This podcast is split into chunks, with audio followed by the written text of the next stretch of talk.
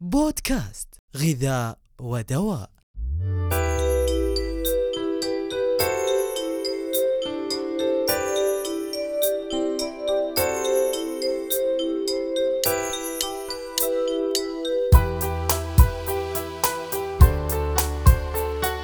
أسعد الله أوقاتكم بكل خير وأهلا وسهلا بكم في الحلقة التاسعة من بودكاست غذاء ودواء الذي يأتيكم من الهيئة العامة للغذاء والدواء بمملكة العربية السعودية. لما تتجه للصيدلية وتأخذ أدويتك اللي وصفها لك الطبيب وتسمع من الصيدلي شرح عن بعض الأدوية اللي المفروض أنك ما تأخذها مع دواء آخر أو ما تستخدمها مع نوع معين من الأغذية. اليوم راح نتعرف على موضوع التداخلات الدوائية مع غيرها من الأدوية أو الأغذية مع الصيدلي محمد القدسي مدير إدارة تصنيف المنتجات في الهيئة العامة للغذاء والدواء. حياك الله دكتور محمد. حياك الله أخي عبد الرحمن. لو تعطينا في البداية نبذة بسيطة عن التداخلات الدوائية. طبعا تحدث التداخلات الدوائية عند أخذ نوع من الأدوية مع الآخر أو أكثر في نفس الوقت. قد يحدث تعارض أحدهما مع الآخر في نفس المفعول أو زيادة لمفعول الآخر أو تقليل لمفعوله. أنواع التداخلات الدوائية كثيرة نذكر منها ثلاث حالات. الحالة الأولى هي تعارض الأدوية الذي يحدث مع دوائين أو أكثر. الحالة الثانية هي تعارض الأدوية مع الأغذية أو المكملات الغذائية. والحالة الثالثة هي تعارض الأدوية مع الحالة الصحية والأمراض. تعطينا بعض الأمثلة لكل نوع يعني خلينا نبدأ الآن بتعارض الأدوية مع الأدوية. جميل. من أشهر أمثلة التعارضات الدوائية مادة الباراسيتامول قد يتعارض مع منتج آخر تحتوي على نفس المادة الفعالة.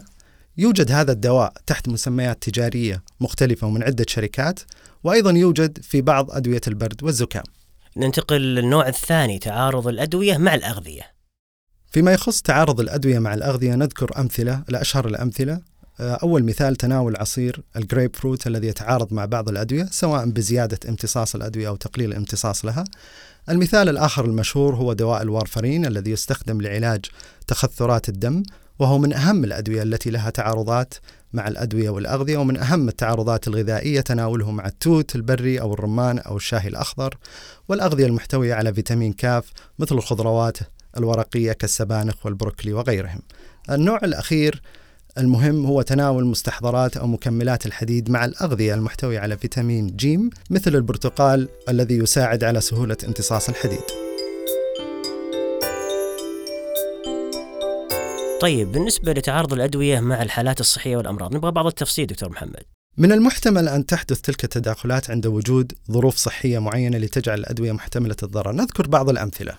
عند استخدام أدوية إزالة احتقان الأنف والمريض مصاب بمرض ضغط الدم المرتفع من الممكن أن تتعرض لتفاعلات غير مرغوب بها المثال الآخر يحدث التعارض بين الدواء والمرض مثل الأسبرين والبروفين ممن يعاني من قرحة بالمعدة وأيضا المرضى الذين يعانون من الربو طيب إذا فيه نصائح أخيرة تريد تقديمها للمستمعين؟ نعم نتذكر بأن هذه بعض الأمثلة الشائعة للتداخلات الدوائية ولكن هناك الكثير من التداخلات الدوائية التي يجب أخذها بعين الاعتبار.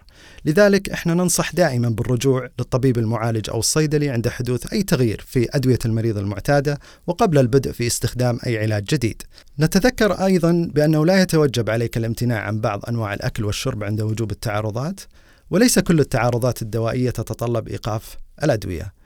وقبل الختام نتأكد دائما من قراءة النشرة الداخلية للأدوية ومعرفة طريقة الاستخدام وما إذا كان هناك موانع أو تحذيرات معينة وذلك قبل البدء في تناولها.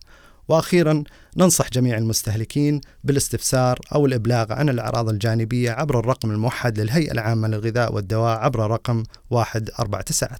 شكرا للصيدلي محمد القدسي مدير إدارة تصنيف المنتجات في الهيئة العامة للغذاء والدواء على هذه المعلومات القيمة.